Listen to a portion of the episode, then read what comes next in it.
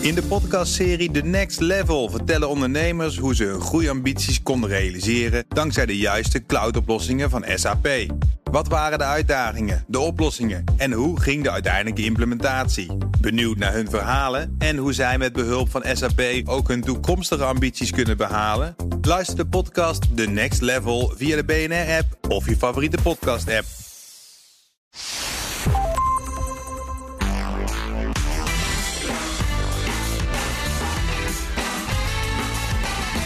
Je luistert naar de Ben Tichelaar podcast, de podcast van BNR Nieuwsradio over persoonlijke en professionele groei. Hoe word je de grootste naam in jouw markt? Hoe verkoop je jezelf als nummer 1 expert? Aartjan van Erkel is marketing-expert en copywriter en hij claimt dat hij het weet. Sterker nog, hij maakt die claim ook waar. Aartjan schreef het boek Nummer 1. Zo word je de bekendste naam in je markt en krijg je klanten voor het leven. En dat boek stond ook echt anderhalve maand op nummer 1 in de Management Top 100. Aartjan, welkom. Wat leuk dat je er bent. Dank je voor de uitnodiging, Ben. Voor we beginnen, eerst nog even dit. Na een succesvolle eerste reeks is er nu deel 2 van Snapchat Social Stories.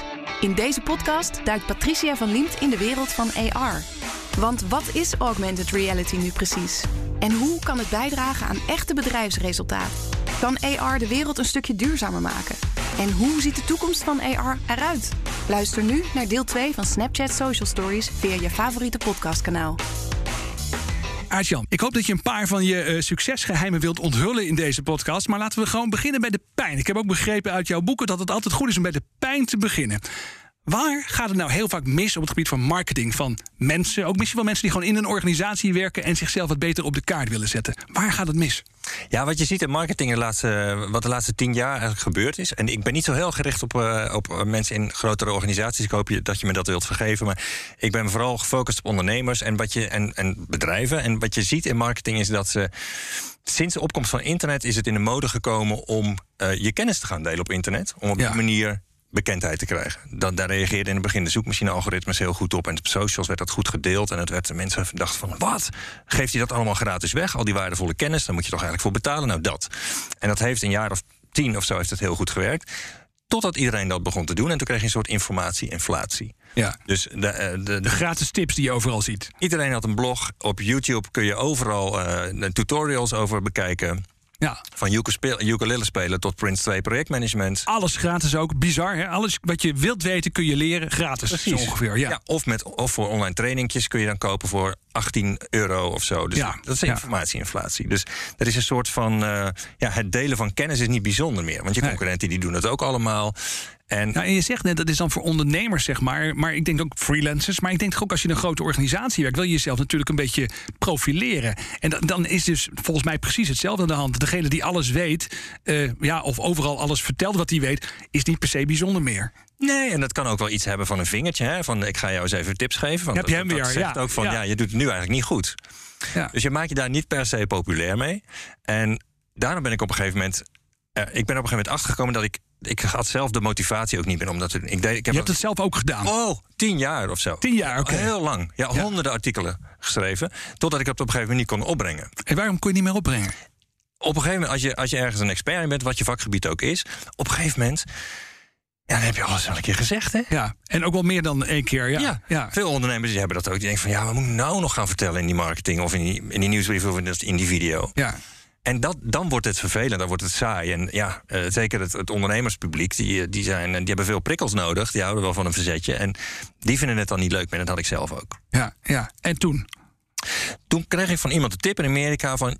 je moet stoppen met al dat teachen. Want dat teachen, dat vinden mensen eigenlijk hartstikke saai. Wie heeft er nou goede teachers gehad waar, in je jeugd... waar je echt met plezier aan terugdenkt? Dat je van, oh, ja, ja. heb ik zo van genoten? Het is toch vooral met een gevoel van boring... dat we daar aan terugdenken. Ja. Dus, en, en we weten ook nog dat teachers helaas een laag inkomen hebben, een lage sociaal-economische status, zeg maar. Dus waarom zou je jezelf dan, als je een expert bent, profileren als een teacher? Wat moet je dan doen? Nou, wie, zijn, wie verdienen er nou meer? Teachers of entertainers? Ja, dat hangt er maar net vanaf. Dus de docent Duits van vroeger of Beyoncé? Ja, oké, okay, maar dat vind ik geen eerlijke vergelijking. Want er zijn natuurlijk ontzettend veel entertainers die je kent... die verdienen geen, geen droog brood. Ja, dat klopt. Maar even voor de, voor de, voor de vergelijking is okay. het... Um, je, je, het is makkelijker om jezelf populair te maken, laat ik het zo zeggen... met entertainment, ja. dan met teachen. Ja, nou ja, ik, ik moet wel terug, als ik terugdenk aan leraren op de middelbare school, die ik me nog wel herinner, dat zijn dat dus vaak mensen die wat entertainment in hun lessen stoppen. Dat is wel zeker waar. Precies, ja. Dat, zijn, dat is bij mij ook zo. En dat zijn de enige die ik me nog kan herinneren. Mijn Ja. geschiedenisleraar die over de, de Franse revolutie vertelde... bij de koppen rolde van Marie-Antoinette... met eh, dan haar haar zo dat hoofd uit eh, die mand opgetrokken... en het bloed liep eruit. Nou, dat hè, Ja, ja, emotie. Hè? Dus ja, dat je echt voelt van hier gebeurt iets. het enige wat ik nog ja, weet. Ja. Ja. En dus heb jij besloten om toch, nou ja, om het maar even de vergelijking aan te houden, om meer Beyoncé te worden dan de oude lerares Duits die je hebt gehad. ja, stoppen met eh teachen, beginnen met teasen. Ja, En dat is ook, ja, dat is ook daar leg ik formules voor over uit in het boek. En eh, dat is een manier om, als je de bekendste naam wilt worden in je markt. Want heel veel ondernemers die ergens een expert in zijn, Ja. die, zijn eh, die hebben wel een andere concurrent. Waarvan ze weten, die, waarvan ze zien, nou, die is, die is eigenlijk, die heeft meer klanten, die is, heeft veel meer ja, naamsbekendheid. ja, Eh, maar die ondernemer weet van, ja, eigenlijk is die concurrent van mij, dat is een pannenkoek. ja. oké. Dat is een minder goede expert. Die klanten zijn ook niet zo tevreden. Eh, het is een beetje zoals Dr. Phil in de markt voor psychologen. Ja, precies. Hè, dus ja, je schrijft ook in je, in boek, hè, dat is misschien niet de beste psycholoog ter wereld, maar wel de bekendste psycholoog. Precies, precies. Ja, ja. En heel veel experts die hebben daar last van. Die hebben ook wel een Dr. Phil in hun markt. En ehm, die denken van, ja, ik ben eigenlijk een grotere expert. Klanten zijn beter af bij mij. Maar die ander die heeft meer naamsbekendheid. Ja, Nou, er, zit, er zit toch ook een zekere, eh, eh, sorry dat ik je onderbreek, maar er zit toch ook een zekere ehm, irritatie vaak in en een beetje ook, eh, hoe moet je dat zeggen, een soort verbetenheid. En Dat, en volgens mij werkt dat nou juist weer tegen je als je leuk wilt zijn. Hè? Maar ik, ik heb dat ook wel eens. Dan zit ik naar iemand te kijken en denk ik, nou, dat is een verhaal van niks, denk ik dan. Maar als ik al begin te denken van dat is een verhaal van niks en ik word, raak een beetje geïrriteerd dat mensen die zeg maar vooral een beetje leuk weten te brengen, dat die dan alle aandacht krijgen, ja. Dan, dan, dan kan ik zelf ook niet meer leuk zijn op dat moment. Nee, daar zou ik ook vooral niet in gaan zitten. In die emotie van, eh, van eh, goh, een, beetje, een beetje wrevelig. Oké. Maar wel leren van wat die, wat die concurrent doet. Want die heeft Ja. een betere marketing. Precies. Dr. Phil heeft van alle psychologen nou eenmaal de beste marketing. Hè? Beter dan een eh, vast eh, gast in het, in het programma van Oprah. Eh, Wordt het niet. Nee, nee, Dus nee. leer van wat dat soort mensen doen. En daarmee zeg ik niet dat je een soort van sensatiebelust programma op RTL zou moeten hebben. Met, met allemaal gekkies die, die, die hij dan gaat fixen in één sessie. Ja. Dat, bedoel, dat hoeft niet. Maar leer wel van de experts die de beste marketing hebben. Maar hoe doe je dat dan? Hoe word je dan een betere entertainer? Is het dan gewoon kijken wat die mensen doen? Dus zoals bijvoorbeeld Dr. Phil. En dan proberen dat te ontleden? Of is er ook, je had het net over formules. En Ja. volgens mij hou je ook erg van formules. Ja, ik hou is van het kraken van de code. Ja. het kraken van de code. Wat zijn dan de geheimen van de code op het moment dat je zeg maar meer entertaining, eh, entertainment wilt stoppen in je marketing? Waar begint het dan mee? Nou, wat veel ondernemers doen aan marketing, dat is natuurlijk gratis content uit, eh uitventen. Hè? Dus bijvoorbeeld Ja. in je- in je e-mail nieuwsbrief of op LinkedIn. En je kunt daarin wel doorgaan met, met tips geven en informatie verspreiden. Maar we zeiden al, ja, dat wordt eigenlijk redelijk saai gevonden. Als je in plaats daarvan entertainment in je berichten stopt, eh, vergelijk het maar met wat Zondag met Lubach doet. Ja, Zonder de formule van Lubach, of het, de avondshow inmiddels van Lubach, dat is een programma waar, dat, dat drijft op infotainment. Wordt het ook wel genoemd. Het is een mix van informatie en entertainment. En wat dat programma voor elkaar heeft gekregen, dat zijn, nou, in, in, ik geloof al in vier gevallen zijn er kamervragen gesteld over. datacentra die ergens worden neergepoot in het Ja. veld. eh, Ja. eh, groene energie. Ja, op allerlei manieren. Ja. TTIP, destijds het eh, Oekraïne-referendum, allerlei zaken waar alle actualiteitenprogramma's al aandacht aan hadden besteed. Geen rimpel in de vijver. Nee. Lubach doet het, Kamervragen. En dat komt door het format dat zij gebruiken, en dat is infotainment. En het wordt ook vaak op school wordt het aangezet door de leraar, want die weet van als leerlingen het nieuws eh, beter begrijpen, dan kunnen ze er ook wat mee. Ja, ja, precies. Ja, klok, Klokhuis is ook een mooi voorbeeld als je dat toch Ja, op scholen hebt. Hoe, breng je de geschiedenis op een leuke manier? Dus dan moet je een paar hele goede eh, acteurs... eh, je laat Pierre Bokman nog eens een keer Adolf Hitler spelen... en dan weet je zeker, iedereen vindt het fantastisch. Ja. Ja. Ja. dat is dat. Dus dat kun je ook in je. In, je, in de gratis content die je verspreidt, zoals je e-mail nieuwsbrief, kun je dat doen. Door, Ja. Want wat je de meeste experts daar ziet doen, die hebben een vakgebied. Die zijn bijvoorbeeld goed in Agile of in Prince 2 of zo. En die, die denken van ja, als ik marketing doe, dan ga ik maar over Agile of over Prince 2 vertellen. Ja. En ja, op een gegeven moment dan is het op. Zelfs de echt de grootste Prince 2-fan denkt na een tijdje van... nou, laat maar. Ja, ja, precies. Saai. Maar dat hoeft helemaal niet. Dus als je denkt van ik zit gevangen in mijn... dan voelt het zo als een gevangenis, voelt dat. Maar je kunt als je entertainment gaat gebruiken... en dat wordt je formule... kun je schrijven over eigenlijk bijna alles. Ik Maar nou heb- wil ik wel even tussendoor... Ik moet even een voorbeeld hebben. Want ik zit nu te luisteren en denk ik... oké, die van Erkel, ik begrijp hem wel. Ik snap wat hij zegt. Maar Prince 2, hoe maak je dat leuk? Ja, nou, ik zei een voorbeeld geven.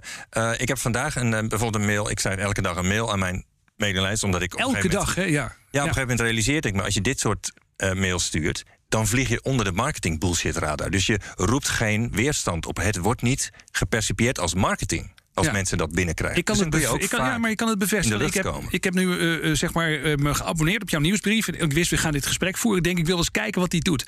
En het grappige is, onder, dat was niet eens zozeer in de sfeer van de werkvoorbereiding, maar meer uh, van al die mails die binnenkomen, al die nieuwsbrieven, die lees ik niet, maar die van jou die zijn leuk om te lezen. En die klik je dus even open. Ja, en Waar komt, hoe komt dat?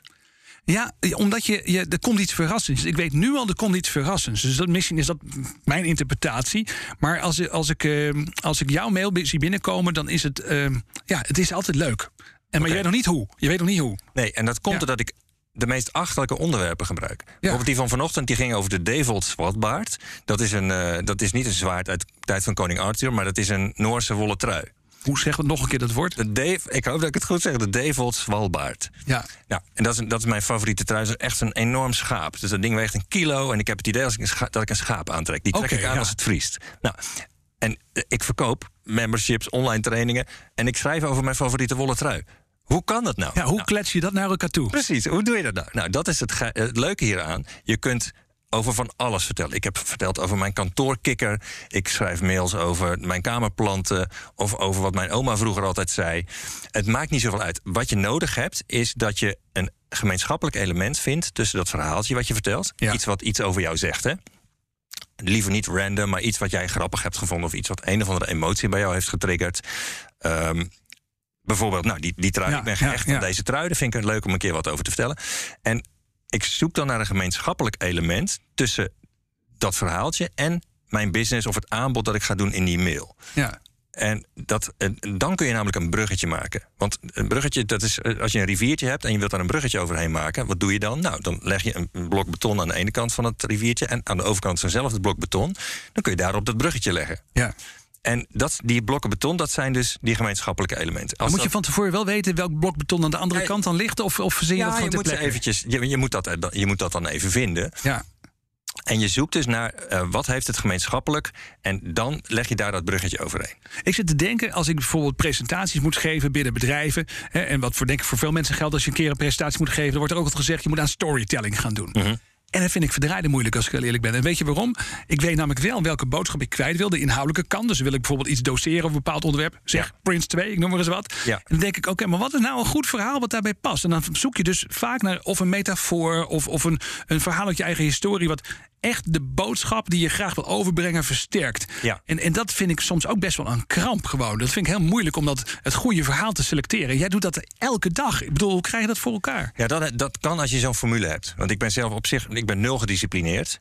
Ja. Uh, vroeger schreef ik elke week een mail en dat kon ik niet meer opbrengen. En nu doe ik het elke dag al 3,5 jaar. Ja. Dus dat, dat moet dan makkelijk, moet ik dan voor, voor mezelf makkelijk gemaakt hebben op de een of andere manier. En dat is met zo'n formule. Ik noem dat de Epic e-mail formule. De Epic e-mail formule, ja, die staat in het boek ook ja, echt. Precies. Hè? Ja, precies. Ja. En daarmee, een van de dingen daarin is, dat is, dat is dus dat bruggetje dat je een element, uh, een overeenkomstig element vindt. En dan, uh, dan kun je opeens lopen van je verhaaltje naar je, naar je vakgebied en dan een aanbod doen. Ja, maar goed, vertel dan nog even die dikke trui. Wat heeft die dan met marketing te maken? Jij geeft marketingcursussen online, onder meer. Uh, ja, dat is een hele goede vraag. Ik weet het eigenlijk niet eens meer wat ik heb gedaan. ik, zal hem er even bij pakken, want uh, het was een leuk verhaaltje.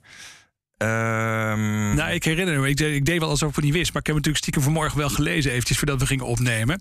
Maar ik weet ook niet meer wat de link oh, ja. was. Ja. ja, ik heb toen ik die trui aan het kopen was, die kostte 180 euro. En toen vond ik hem ergens op internet ook voor, ik geloof, 70 euro. Oh ja, dus ik ja. drukte al bijna op bestellen. En toen dacht ik, hmm, deze website ken ik niet. Toch eens even gaan kijken. Nou, toen ben ik gaan kijken en bleek dat een oplichterswebsite te zijn. Ja.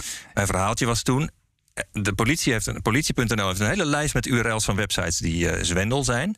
Dus en jouw klanten zijn daar ook aan. Die, die hebben dat in hun achterhoofd. Die hebben ook wel eens zoiets meegemaakt. Dus op een website uh, verwacht je nogal wat van een klant. Namelijk dat hij of zijn persoonlijke gegevens bij jou gaat invullen. of ja. zelfs betaalgegevens. Terwijl ze misschien in het achterhoofd. Ondernemers realiseren zich niet hoe bang klanten zijn in hun achterhoofd. van is dit oké of Ja, is dit malafide? Dus, en ik vroeg in mijn mail van wat doe jij nou om die angst weg te nemen bij klanten? En het onderwerp van wat ik aanbood deze keer, dat was een, een uh, masterclass in mijn, in mijn membership, het lab. En dat ging over bekentenis copywriting. Oh ja, ja waarbij je dus ook je zwakke punten eerlijk naar voren brengt, zodat je dus echt betrouwbaar wordt. In plaats van dat je zegt, ik ben heel betrouwbaar je kunt me vertrouwen. Dat, dat zeggen alleen oplichters, hè, zeggen dat. Precies. Je kunt wel zeggen, ik ben heel betrouwbaar, maar dat, dat, dat, dat is net zoiets als tegen je zoontje van vier zeggen, als hij bang is voor een monster onder zijn bed. Zeg van, nou, er zit geen monster hoor, ga maar lekker rustig slapen. Ja, precies. Dan nemen we die angst dus niet serieus. Nee, precies. En maar, maar goed, en even ben ik heel benieuwd, want dan wil ik ook even weten, hoe doe je dat dan? Dan heb je dus van tevoren al besloten, ik wil iets vertellen over de rol van angst bij marketing. En dan ga je associërend of op een andere manier een verhaal erbij pakken uit je eigen leven? Ja, ik heb de, het gemeenschappelijke element in deze twee verhaaltjes is uh, een bekentenis doen, want dat zorgt voor vertrouwen. Dus dat neemt angst weg. Oké. Snap je? Dus angst is eigenlijk het gemeenschappelijk element. Ik moet het goed zeggen. Dus eh, ik, had, ik had een soort angst van: is deze webshop wel oké? Kan ik hem wel vertrouwen? Ja. ja. En nou, die angst die hebben klanten ook. Nou, dan ben ik alweer bij mijn onderwerp. Ja, precies. En maar hoe neem je die angst weg? Nou, dat is met bekentenis. Met bekentenis, ja. Maar goed, je hebt dus een idee. Ik wil iets vertellen over bekentenismarketing. En daar angst en zo hoort erbij. Dus je hebt een soort mindmap aan de ene kant, zal ik maar even zeggen. Dat is je ene betonblokje. He, dus uh, angst, bekentenis, lalala, wil ik iets over vertellen. En dan ga je dus afvragen: oké, maar wat is nou een leuk verhaal wat ik daarbij kan vertellen? Ja. En, en hoe, hoe werk je dan? Heb je dan voor voortdurend een soort lijstje dat je bijhoudt met leuke verhaaltjes. Dat je die allemaal al op een rijtje zet of zo. Zodat je makkelijk één kunt kiezen. Want als ik ga zitten, van ik moet een leuk verhaaltje verzinnen om mijn verhaal te verkopen. Of om mijn eigenlijke boodschap te verkopen. Dat kan dus heel erg belemmerend werken voor veel mensen. Ja, en dat zullen met veel uh, mensen ook herkennen. Maar ik heb inderdaad, ik maak een lijstje van oké, mijn aanbod is dit. In dit geval een masterclass over dat, dat onderwerp. Ja.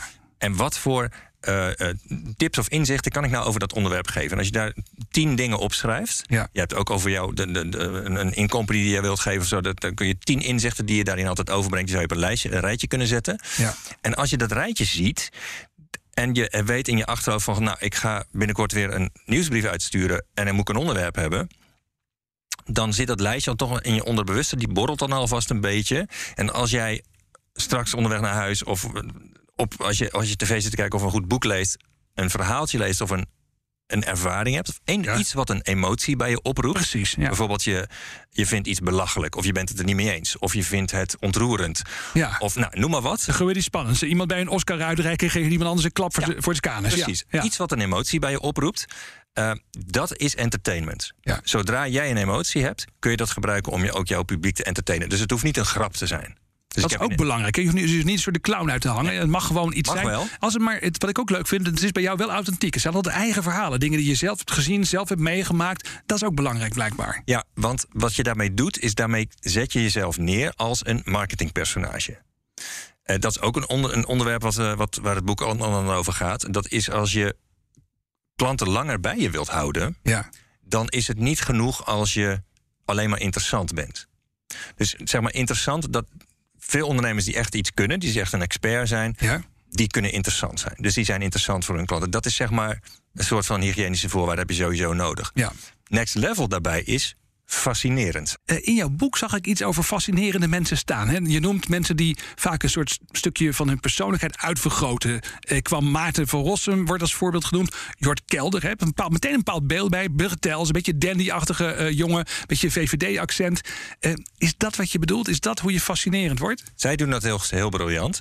En fascinatie, dat is Jim Rohn, is een bekende oude marketingspreker... die zei het zo, als je Even kijken of ik de quote goed heb. Wel in Nederlands. Mag ook in het Fries. Die, mensen die geïnteresseerd zijn, die willen weten of het werkt. Ja. Mensen die gefascineerd zijn, willen weten hoe het werkt. Oké. Okay, dus ja. zodra mensen aan jou gaan vragen van hoe werkt dat, dan zijn ze eigenlijk al de drempel over. Die zijn ze jouw huis al binnen. Dan weet je al, die zijn voorbij interesse. Die willen weten hoe werkt dit. Dus die zijn al binnen, die hebben de deur achter zich dicht, die hebben een jas uitgedaan. Die zeggen, let's do this. Ja, precies. En als je klant, klanten wilt, of als je mensen zeg maar als expert echt aan je wilt binden, dan moet je dus die fascinatie oproepen. Maar dan moet je me uitleggen, uh, waarom is dan Jort Kelder, waarom is dan Maarten van Rossum, waarom zijn die dan fascinerend? En wat heeft het dan te maken met mij als ondernemer die iets wil verkopen? Wat zij gedaan hebben, dat is een bepaald aspect van hun persoonlijkheid dat hun publiek het meest waardeert, waar ze het meest op aangaan, hebben ze uitvergroot. Hebben ze ja. een beetje gekarikaturiseerd.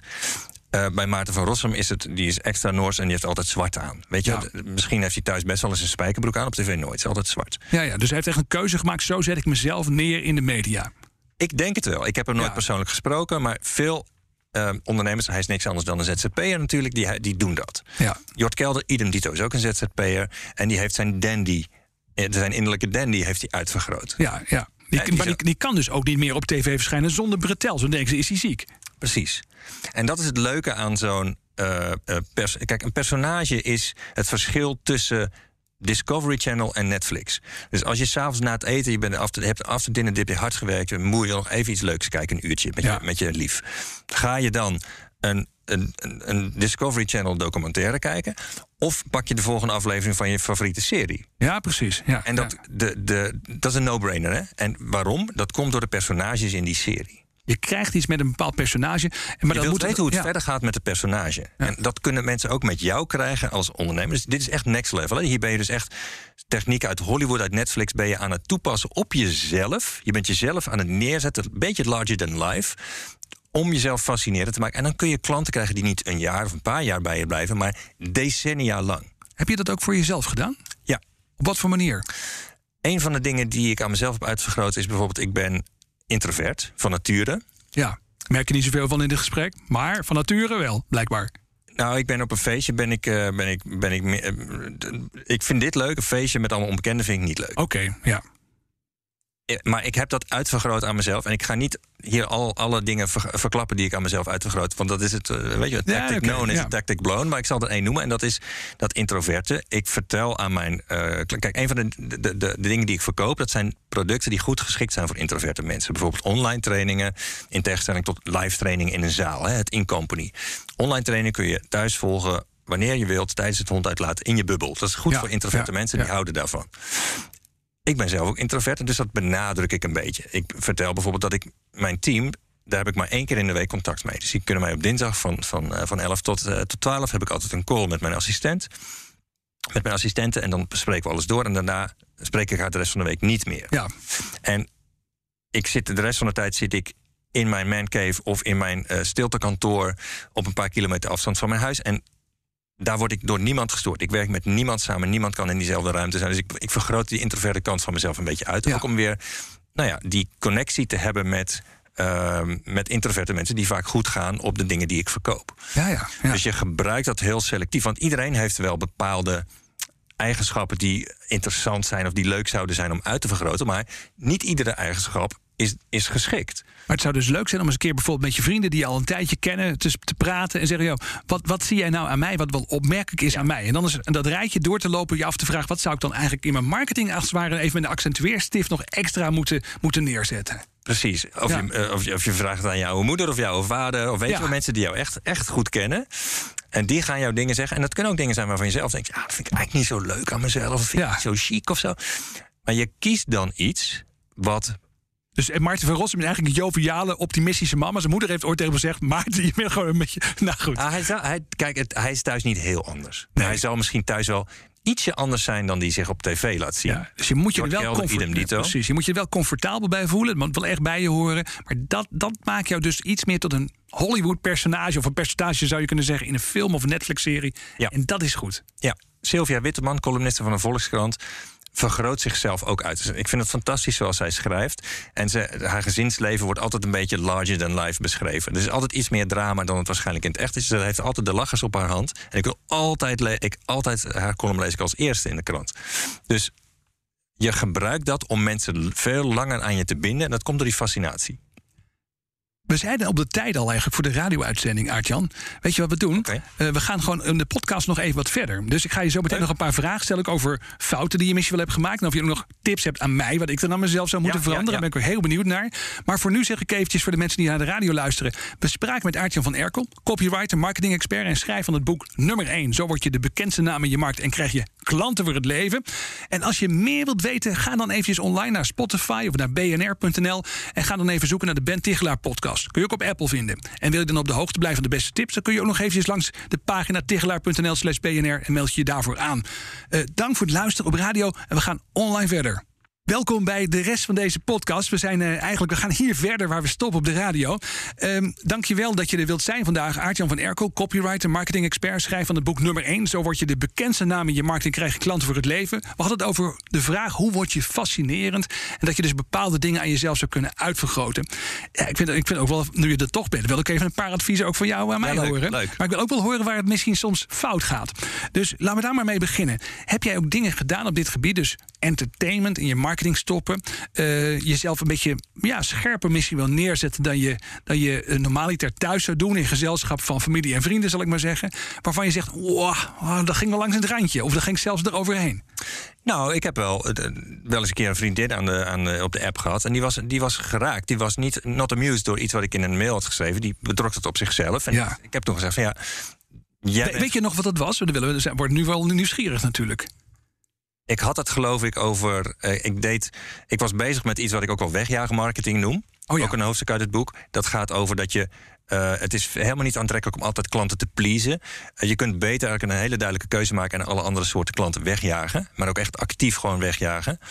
Um, en dat had, ik ook, dat had ik gedaan door bepaalde soorten klanten te omschrijven. Ik geloof als mutsen en droeftoeters of zo. Oké, okay, ja, ja. ja. En, en zij vond dat uh, niet zo... Ik weet niet, ze was blijkbaar op de een of andere manier... Vond ze dat niet, uh, was er niet zo blij mee. Nou, daar hebben we wel een back and forth via de app over gehad. Ik zei van, ja, maar je bent ook niet... Ik zou je afmelden, want ik heb het niet tegen jou. Je bent geen potentiële klant van mij. Dat wordt, je, hebt daar, je hebt daar ook weggejaagd, zeg maar. Ik heb haar ook weggejaagd. En ja. heb, er zijn wel meer mensen, ook uit mijn vriendenkring... die dat af en toe... Uh, ja, die, die helemaal niet in mijn klantprofiel passen.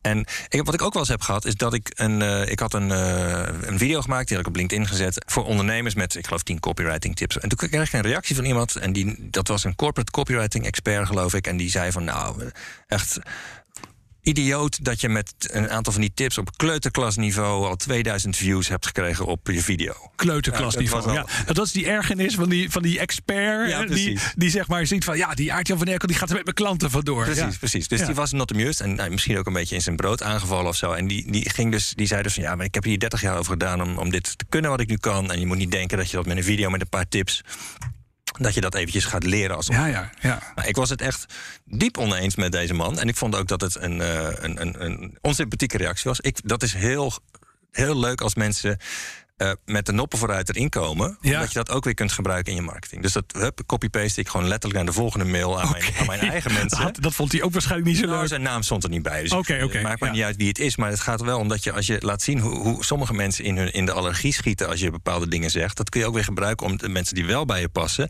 Oh, die staan dan nog, nog meer actie. Snap wat je bedoelt. Oh, dit, ja, dit. Dan vind, dan, die vinden dat geweldig als zoiets gebeurt. Maar ik het is ook een soort Johan Derksen marketing als ik dit zo dan hoor. Johan Derksen is absoluut ook een personage. Ja, precies. Die zet zichzelf ook veel scherper neer. Over, ja. over muziek bijvoorbeeld, dan, dan, dan gaat hij er ook heel anders in dan. Ja, ja ik ben op dat bluesfestival van hem ooit geweest, uh, daar in, uh, in Grollo. En uh, dat is fantastisch goed georganiseerd. Over alles is nagedacht. Verschrikkelijk klantvriendelijk. Je wordt echt, nou, je wordt in de watten gelegd daar als klant. Er is helemaal niks wat aan de Johan Derksen doet Precies. denken van hoe die op tv Precies. is. Ik denk dat het eigenlijk ook een schat van een man is, maar dat hij op voetbalgebied gaat hij er gewoon altijd met de noppen vooruit in. Ja, precies. En sommige mensen vinden dat geweldig. En daardoor trek je ja. echt mensen die jou dus, nou ja, nogmaals, fascinerend vinden. Ja. En helemaal, ja, echt gewoon een fan van je worden. Ja. ja. En dat lukt je niet als je altijd genuanceerd bent. Als je altijd vanille marketing doet, dan is dat, dat is niet zo interessant. Nee, jij noemt jezelf ook een politiek incorrecte copywriter. Uh, maar ja, ik moet eerlijk zeggen, wat ik tot nu toe van je heb gelezen, vind ik dan gaat het altijd wel heel sympathiek. Of komt het dan omdat ik toevallig net in jouw doelgroep zit? Ja, misschien wel. Maar wat ik wel doe, ik doe heel andere dingen dan andere mensen in, die, in, die in marketing bezig zijn uh, aan het doen zijn. Alleen al dat elke dag mailen naar een mailinglijst. Ja, dat zou de meeste experts zou dat worden gezien als te veel maildruk. Zo noemen ze dat dan. Oké, okay, ja. En dat is in de meeste gevallen ook zo. Behalve uh, wanneer jouw mailinglijst het leuk vindt om van je te horen. En zegt van nou, ik vind die mails eigenlijk wel leuk om te krijgen. Terwijl die anderen, ja, dat is allemaal, zijn allemaal kiloknallers. Of uh, die willen allemaal uh, iets aan mij verkopen. Maar dit komt niet over alsof er iets aan mij verkocht wordt. Ja, dus politiek incorrect bedoel je niet zozeer mee dat je altijd meningen hebt die zeg maar eigenlijk niet door de beugel kunnen. Maar bedoel je ook mee dat je niet aan marketingconventies houdt in dit ik, geval? Ja, dat laatste. Oké, okay, ja. Zeg, um, genoeg over jou. Laten we het eens even over mij hebben. nee, maar goed, ik ben wel echt super benieuwd. Hè, want ik denk dan bij mezelf: oké, hoe zou die Aartjan van Erkel, die dat dus ontzettend goed in de vingers heeft, eh, eh, van, van zijn marketing, van zijn, van zijn, van zijn eh, online colleges, van zijn online masterclasses die hij geeft, maar ook de boeken. Hè, ik bedoel, ja, ik schrijf ook af en toe een boek. Ik ben heel benieuwd. Wat zou ik, op podcast, hè, je maakt ook een podcast. Wat zou ik nou beter en anders moeten doen als ik me gewoon echt eventjes aan de regels van jou, van Aartjan van Erkel zou houden? Wat zou Tegelaar anders moeten doen om het beter te doen? Nou, wat jij. Ik heb, ik heb gekeken wat jij precies doet. En ik denk dat wat jou, een van jouw krachten is natuurlijk dat je. Een, je bent een soort filter. Dus je, jij neemt heel veel informatie tot je. Je, leest, je schrijft niet alleen heel veel, maar je leest ook heel veel. En dat, dat, je geeft dat vervolgens in een. ehm, makkelijk te verteren formaat, geef je dat door aan jouw mensen. Dus Ja. die, die hoeven dan niet, dat niet allemaal te lezen. Maar Dat die scheelt een hoop tijd. Ja, ja. ja oké. dus dat is, dat is een van de dingen. Ehm, ik heb je ook wel eens op een podium zien staan. En eh, dan, je stond in een, in, een, ehm, in een mooi zwart pak met een donkere das. Echt een hard pak, zeg maar. Misschien maatpak, maar in ieder geval een heel mooie snit. Zag goed uit. Nieuwe schoenen. En ehm, je, je staat dan als de spreker. De spot is erop. Enorm scherm achter. Je- Dat heeft ook iets ongenaakbaars. Ja. Dus je staat hier nu in een blouse en we hebben een leuk informeel gesprek. Maar je, je, je, hebt, je kunt door jouw kennis en je bent ook heel snel in je hoofd. eh, kun je ook ongenaakbaar overkomen. Dus Ja, een, ja. Beetje, een beetje Dus intimiderend. dat zijn kan dat voordelen zijn. die eigenlijk ook een nadeel hebben, hoor ik wel. Nou, het is wat, ehm, wat daarbij goed werkt, is dat je dat combineert met dat je jezelf ook af en toe naar beneden haalt. Ja. Dus als je op een, jij staat echt op een podium, letterlijk. En als je te hoog staat en als mensen je te veel tegen je opkijken, dan gaat het op een gegeven moment niet voor je werken. Dus als, je af en toe weer helemaal naar, eh, eh, naar beneden trekt, zeg maar. Dus de Engelsen noemen dat bijvoorbeeld ook als self-deprecating humor. Hè? Dus dat je Ja, grap over ja. jezelf maakt. Eh, je gebruikt humor, je gebruikt ook verhalen. En het is heel leuk om naar te luisteren. En, maar dat zou een element kunnen zijn wat je kunt gebruiken. Dus echt grappen over jezelf maken. Bijvoorbeeld over je afkomst, waar je wegkomt. We- Dat weet ik niet bij jou wat dat is. maar Ja, precies. Daar zou je dingen in kunnen gebruiken om Ben Tichelaar wat kleiner af en toe te maken. Zodat we weer makkelijker naar je kunnen luisteren. Dus je moet wel dat pak aanhouden. En ook dat grote podium nog steeds. Maar dan met, met humor eigenlijk jezelf wat eh, meer relatable maken. Ja, ik denk dat het pak wel goed bij je past. Dat, dat is echt wel een ding voor je. Maar dat, eh, het relatable maken en eh, af en toe jezelf wat, ehm, wat van het podium af, afschoppen... dat wordt denk ik ook heel erg gewaardeerd. Ja, ja, daar kan ik me iets bij voorstellen. En de grappige is eigenlijk, dat is mij wel opgevallen... dat vinden mensen allerlei culturen leuk. We denken heel vaak dat het Nederlanders dat leuk vinden... maar ik heb een tijdje in Amerika gewoond... en vinden mensen dat ook leuk als je niet te belangrijk doet. Ja, precies. En, en in, de, in de Britse cultuur is dat natuurlijk enorm een ding. Ja, Hè? Dus dat ja. wordt echt gigantisch gewaardeerd. En ook het, ehm, je hebt zoveel inhoud, juist doordat je zoveel eh, tot je neemt ook. Je hebt, je hebt zoveel inhoud die je kunt delen. Dat het soms ook ehm, is het. eh, jij, jij bent ook veel met teachen bezig. En ik denk dat je voor jouw gevoel al heel veel verhalen vertelt. Er zit ook heel veel verhalen in. Maar het zou, als je zeg maar echt het eh, jezelf ten opdracht geeft van ik ga entertainen. Ja. Dan voelt het voor jou als ja, dit, is, dit wordt te dun. Dus dit wordt. Dat, is, eh, een Richie, dat show. denk ik dan heel gauw inderdaad. Ja, maar precies. ik, ik snap dat wat je bedoelt. je zo'n diep expert bent. Maar je kunt voor je klanten niet makkelijk eh, het te makkelijk maken. Het, wordt, het, het is bijna altijd te veel. Ja. Niet bij jou, in het algemeen bij experts die gaan communiceren. Het is bijna altijd te veel. In plaats van dat je denkt van nou, ik ga er nog een leuk verhaal in stoppen, denk je, oh, kan ik dit stukje informatie nog kwijt? Of moet ik deze les of dit model of deze theorie Je nog hebt overbrengen? zoveel te geven. Ja. En dat wil je ook graag. Je wilt graag helpen. En dan, dan kan het te veel is- worden. ja, maar ik denk ook, ook heel vaak, want ik weet niet hoe het bij jou gaat, maar ik heb heel vaak, dan moet ik lesgeven aan een groepje mensen. En dan denk ik, deze mensen zie ik in mijn hele leven één keer. Ja, Ik heb precies. twee uur met deze mensen, daarna zie ik ze nooit meer. En dat is dan ook echt soms zo. Hè? Ik bedoel, bijvoorbeeld met internationaal werk. Weet van tevoren, die, die mensen ga ik nooit weer zien. Dus dan wil ik ze in twee uur alles geven. Maar dat is eigenlijk heel dom. Nou, het is als, eh, de manier waarop ze jou het best onthouden. Is als je ze een, een paar dingen geeft. Als je kiest van dit wil ik dat ze onthouden. En je hangt daar, je hangt daar verhalen aan. Ja. Dus je vertelt dat in de vorm van een verhaal. En dan geef je ze dat inzicht. Wat de meeste experts gaan doen, die geven jou dat inzicht. Die vertellen jou, dit is het inzicht wat je zou moeten onthouden. Dus die geven jou in feite gewoon een droge boterham op, op een Ja, bordje. precies. Ik heb het Ja. niet over jou, hè, maar even in het algemeen. Terwijl als je de expert bent die een warm croissantje geeft op dat bordje... met een likje zelfgemaakte frambozenjam... dat is dat verhaaltje, hè, iets wat, wat mensen gewoon een lekker hapje vinden. Ja, ja. En daar zit ook datzelfde inzicht in. Eh, dan heb je het op, de, op zo'n manier gegeven dat ze... oh ja, die bende was van het warme croissantje, ja, dat weet ik nog wel. Ja, precies. En anders dan onthouden ze alleen maar, dat is die man die, ja, ik weet niet meer wat hij heeft verteld, maar het was heel veel. Ja, Ja, Dat, is dan, dat is dan zeg maar de emotionele respons die achterblijft. Zo van, wat wist die man een hoop? Ja, maar daar heb je natuurlijk niet zoveel aan. Als je focust op teachen en op zoveel mogelijk informatie overdragen wel. Ja. Ja, ja, maar goed, ga ik dat nog afleren? Ik ben 53, ik doe dat al 33 jaar zo. Kan dat nog anders? Ja, je kunt, er, je kunt gewoon die switch maken. Je kunt die, gewoon die, die, die Vro- Vroeger de expert op het gebied van gedragsverandering. Ja, sorry. Ja, maar jij zei ook van je bent, je bent heel geïnteresseerd in copywriting. Dat Ja. is iets dat, dat ja, als je er maar in geïnteresseerd bent, dan kun je daar ook andere keuzes in gaan maken. Ja, precies. Maar dat is dus ook echt even hiervoor gaan zitten. En denken, hoe ga ik dat percentage entertainment echt eens flink opvoeren? Of aan de andere kant beginnen, hè, zeg je eigenlijk ook. Van begin nou eens met entertainment. Want bedoel, er zit al zoveel informatie, dat komt vanzelf wel goed. Ja. Jij zou ook met het, met het entertainment inderdaad kunnen beginnen. Gewoon kijken, nou, wat heeft mij nou geraakt vandaag? Wat heb, waar heb ik iets bij gevoeld? En eh, zit daar een verhaaltje in wat ik zou kunnen gebruiken in mijn marketing? Ja, nou eh, doe je ook nog iets anders. En dat is het laatste punt wat ik je wil vragen. Want ik schrijf natuurlijk ook boeken en we maken deze podcast. En je hebt ook tips van hoe kom je nou op nummer 1 met je businessboek. Daar heb je zelfs een hele cursus over ontwikkeld. Dat is, ik heb er een paar dingen van bekeken. Dat zit ontzettend leuk in elkaar. En eh, daarnaast eh, ben ik ook wel benieuwd of je op het gebied van podcast ook ideeën hebt. We willen nummer 1 worden met deze podcast. Wat moeten we doen? Ja, ehm, wat experts gaan doen die een boek uitbrengen, dat is vaak ook dit. Dus die gaan dan. Die hebben eindelijk tijd geblokt om dat boek te gaan schrijven. Ze gaan op die laptop zitten rammen en die lopen dan helemaal leeg. Die hebben een methode die bestaat uit 13 stappen. En die gaan ze allemaal helemaal uitwerken. Met substappen altijd graag. Dat wordt een boek Ja. van 800 pagina's. Hè? Dat Heerlijk, wordt een ja. eh, soort hoeksteen van de samenleving. Oftewel een soort zuurdesembrood van een kilo. Ja. En dat proberen ze dan die, die lezer te laten opeten. Nou, die lezer die heeft na één eh, bammetje eigenlijk al genoeg. En dat is ook niet zulke lekker brood. En eigenlijk wat je wil als lezer van zo'n managementboek of een businessboek... dat is weer zo'n croissantje. Zo, oh, lekker hapje. En ik Ja. krijg hier honger van. Eigenlijk een beetje een soort boekjes, eh, of boekjes. eh, ga, ga ik meteen in de oneerbiedige toon. Hè? Eigenlijk een soort boeken. Het soort boeken dat bijvoorbeeld mensen als Ken Blanchett schrijven. Dat zijn, hij heeft dat samen gedaan. Ook, hoe weet ik alweer, met die kinderboekenschrijver. eh, nou, eh, moet ik even over nadenken hoe die man ook alweer heet. Maar de eerste boeken die eigenlijk het heel goed deden van Ken Blanchard... dat waren dunne boeken, de One Minute Manager bijvoorbeeld. Dat waren gewoon verhalen waar een paar lessen in zaten. En die had, hij samengeschreven met een kinderboekenschrijver. Ja, het gaat erom dat ze iets onthouden. Dus dat ze Ja, weten waar jij voor staat, dat ze iets onthouden, dat ze nieuwsgierig worden naar de rest. En dat ze overtuigd raken van jou als expert. Ik zeg altijd, je wilt eigenlijk dat je wilt een koffer in mogen met je lezer. Dus als ze een, eh, zo'n trolley hebben klaar liggen voor een tripje naar de zon, dan kun je altijd maar een paar eh, boeken in doen. Want eh, je wilt geen grote koffer meenemen voor in, de, in te checken.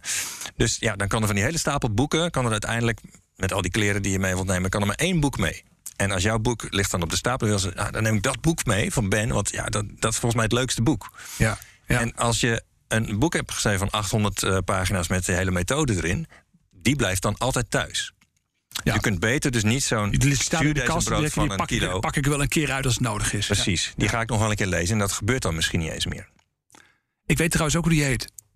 Spencer Johnson. Oké, Ja, dat goed, ja. jij? Dat, Ja. jij weet al die dingen. Ja, maar ik vind het ook verschrikkelijk als ze er niet op kan komen. En dat is natuurlijk ook, terwijl de lu- luisteraar denkt natuurlijk, we gaan, we gaan het over. Maar goed, we hebben nou over boeken, nou gaan we het over een podcast hebben. Hoe kunnen we deze podcast nou zo maken dat, dat mensen eh, datzelfde gevoel hebben? Van al die podcasts die er zijn, wil ik deze luisteren.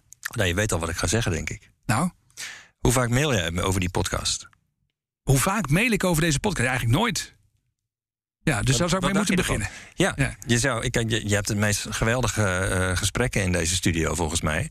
En je kunt hier gewoon dingen uitpakken uit, uit die gesprekken. En mensen vooral nieuwsgierig maken. Ja. Dus ook weer, ik zou niet... eh, Je, je zou bijvoorbeeld de keuze kunnen maken... nou, ik laat het hele gesprek transcriberen... en dan maak ik dan een mega lang blogartikel van. Dat kan, hè. Ja. Eh, maar dat is ook weer inf- veel informatie vooral. Maar als je er een paar dingen uithaalt waarvan je zegt... Van, toen hebben we bulderend met elkaar gelachen... met de geïnterviewde en ik. ja. En daar vertel ik dan iets over, dan maak ik je nieuwsgierig over. Alleen al als je zou zeggen van, nou, het moment waarop we het hardste gelachen hebben, toen hadden we het over eh, de bruine kikker of zo. Iets geks waarvan ze denken, wat? ja. Als je dat in die mail zet, dan is de kans dat ze gaan klikken op die eh, podcastlink veel groter geworden. En ja, als je er nu niet over mailt en je wilt meer downloads voor je podcast hebben, dan is dat wel een heel goed begin natuurlijk. ja. ja. Als je, je mailt volgens mij nu één keer in de maand. Ja, ik heb een nieuwsbrief, die ga ik één keer in de maand inderdaad. eh, Ja, nou, je- je hebt sowieso zeg, ik, zeg ik dat denk ik, val ik mensen lastig. Maar dat is dus helemaal niet zo. Hè? Mensen Nee, vinden dat nou, dus leuk om te wel. krijgen. Ja. Misschien val je ze wel lastig als Ja. je ze. Veel, veel ondernemers zijn bezig, die zijn of eh, praten hun, eh, hun in slaap met, met allemaal tips en teaching en informatie. Ja. Of ze zijn ze aan het kapot spammen met allemaal kiloknallers. Maar als jij iets leuks te vertellen hebt, dan val je niemand lastig. Nee, en er is natuurlijk ontzettend veel leuks te vertellen. Want dit is een leuk gesprek. Je maakt achter de schermen leuke dingen mee. Ja. maar dan zou je dus eigenlijk bijna te denken, maar ik weet niet of de luisteraars dat een goed idee vinden. Maar ik zou zeggen, als je dit nou hoort, reageer daar dan op, zou ik zeggen. Hè. Stuur me even een mailtje op benapenstaartje.nl. Wat zou je liever hebben? Liever een wat langere podcast zoals we vandaag maken met Artjan van Erkel, waarbij je dus uh, ja, ook achter de schermen iets misschien iets deelt of, of uh, meer mails erover stuurt of een paar keer promoten. Dan hoef je maar één keer in de twee weken ook echt te luisteren. Maar dan krijg je ook mailtjes met tips erover bijvoorbeeld. En daar zit er ook echt iets in. Hè. Dat, is, dat is de ene kant. Of dat je eigenlijk uh, alweer, ja, alweer bezig bent met de volgende podcast maken. Dat je bijna geen tijd hebt om dat soort dingen nog tot je te nemen. Of te communiceren. Ja, ja nou, ik leg wel een beetje een soort antwoord in de vraag op deze manier. Het is een beetje een leading question wat ik doe. Ja. Ja, maar dat is een goed idee. Als je, dus als je wilt dat mensen er vaker op reageren, dat ze meer gaan downloaden, uh, verwerk ook entertainment in de, in de aankondigingen die je doet. En ben niet bang dat ze het gaan uh, ervaren als ben die valt mij nu lastig. Nee, je, bent, je bent ze aan het entertainen. Dat is het, het is echt bevrijdend hieraan als je focust op entertainment en niet meer op verkopen en op uh, informeren dan heb je een enorme uh, tolerantie bij je, bij je ontvangers. Die vinden het helemaal geen ja. probleem meer. Ja, laten we af, afronden met een stuk entertainment. Ik, ik, kijk even naar jou. Wat is nou een mail die jij hebt gestuurd? Of iets anders waarvan je zegt dat was een verhaal, dat heb ik een keer met mensen gedeeld. Wat is nou het verhaal waar mensen van zeggen: wauw, dat is echt zo'n bizar verhaal. Waarbij je ook hebt gemerkt dat de, het de aantal kliks of het aantal uh, views of zo is echt door het plafond ging. Wat is nou echt zo'n succesverhaal wat enorm heeft gescoord? Ik heb een keer een mail gestuurd die heette... Uh, en toen ging het licht uit in de sauna. Dat was toen, toen ging het licht uit in de sauna. Ja, dat snap ik. Dat is echt een clickbait-titel. Die werd heel goed geopend. Ja. Maar dat ging ook echt daarover. Ik was een keer in de sauna. Het was zo'n uh, zo'n uh, loterijen-sauna. Dus die had ik van een nicht van mij gekregen. Die had zo'n saunabon. Dat was in een sauna in Harderwijk. En toen was het op die avond toevallig... Het was heel erg druk daardoor. En toen ja. was er op die avond toevallig Earth Hour. Dus dan gaat er alle lichten uit. Ik wist dat niet. Ik had de memo niet gekregen. En ik merkte aan de andere sauna-bezoekers om me heen... dat de meesten ook de memo niet hadden gekregen. Ja. En ik ben, ik zei al, introvert. Dus ik doe het niet goed in hele drukke plekken. Helemaal niet als ik niks aan heb. En als ik door gangen moet schuifelen waar het al heel erg druk is met andere blote mensen met, uh, weet je wel, uh, rughaar of uh, geroezelige badjassen. word ik al niet blij Waarbij van. je het verschil ook niet voelt als het donker is. ja, precies. Ja. Jemig. Ja, ik kan me er echt iets bij voorstellen. Wat een, ja. En toen ging het licht uit. Ja. Nou, daar, daar heb ik een verhaaltje van gemaakt. Je, zei, ja, je moet proberen, als je, uh, dat, ik werkte toen naar mijn website. Het gemeenschappelijk element was, gebruik conventies. Dus doe dingen die mensen verwachten. Ga niet opeens iets heel anders doen. Ook niet op je website. Ja. Doe op je website wel bepaalde dingen volgens de conventie, zodat mensen... Uh, jouw website heel snel kunnen doorgronden. Dus ga er niet al te artsy-fartsy websites van maken. Maar zorg dat ze heel snel kunnen vinden wat ze zoeken. En nou ja, het gemeenschappelijke element met dat uh, licht dat uitging in de sauna is van... nou, doe liever niet het licht uit in de sauna... en doe bepaalde dingen ook liever niet op je website. Ja, ja. En die mail heeft het heel goed gedaan. Ja, dat snap ik. Ja. En dat is een hele leuke binnenkomer. Maar ook de, de link die je legt is natuurlijk ook wel weer begrijpelijk. Leuk man. Nou, we, hebben, we kunnen nog uren doorgaan, maar dat gaan we vandaag niet doen. Ik wil je heel erg bedanken. Superleuk dat je hier wilde zijn. Aartjan van Erkel, copywriter, marketing expert, schrijver van het boek nummer 1. Zo word je de bekendste naam in je markt en krijg je klanten voor het leven. Heel leuk dat je mijn gast wilde zijn. Dankjewel, Ben. Dit was de Ben Tichelaar podcast. Nogmaals, wil je op de hoogte blijven van de beste tips, onder meer uit mijn podcast? Ga dan naar tichelaar.nl slash bnr en meld je aan. Dankjewel voor het luisteren.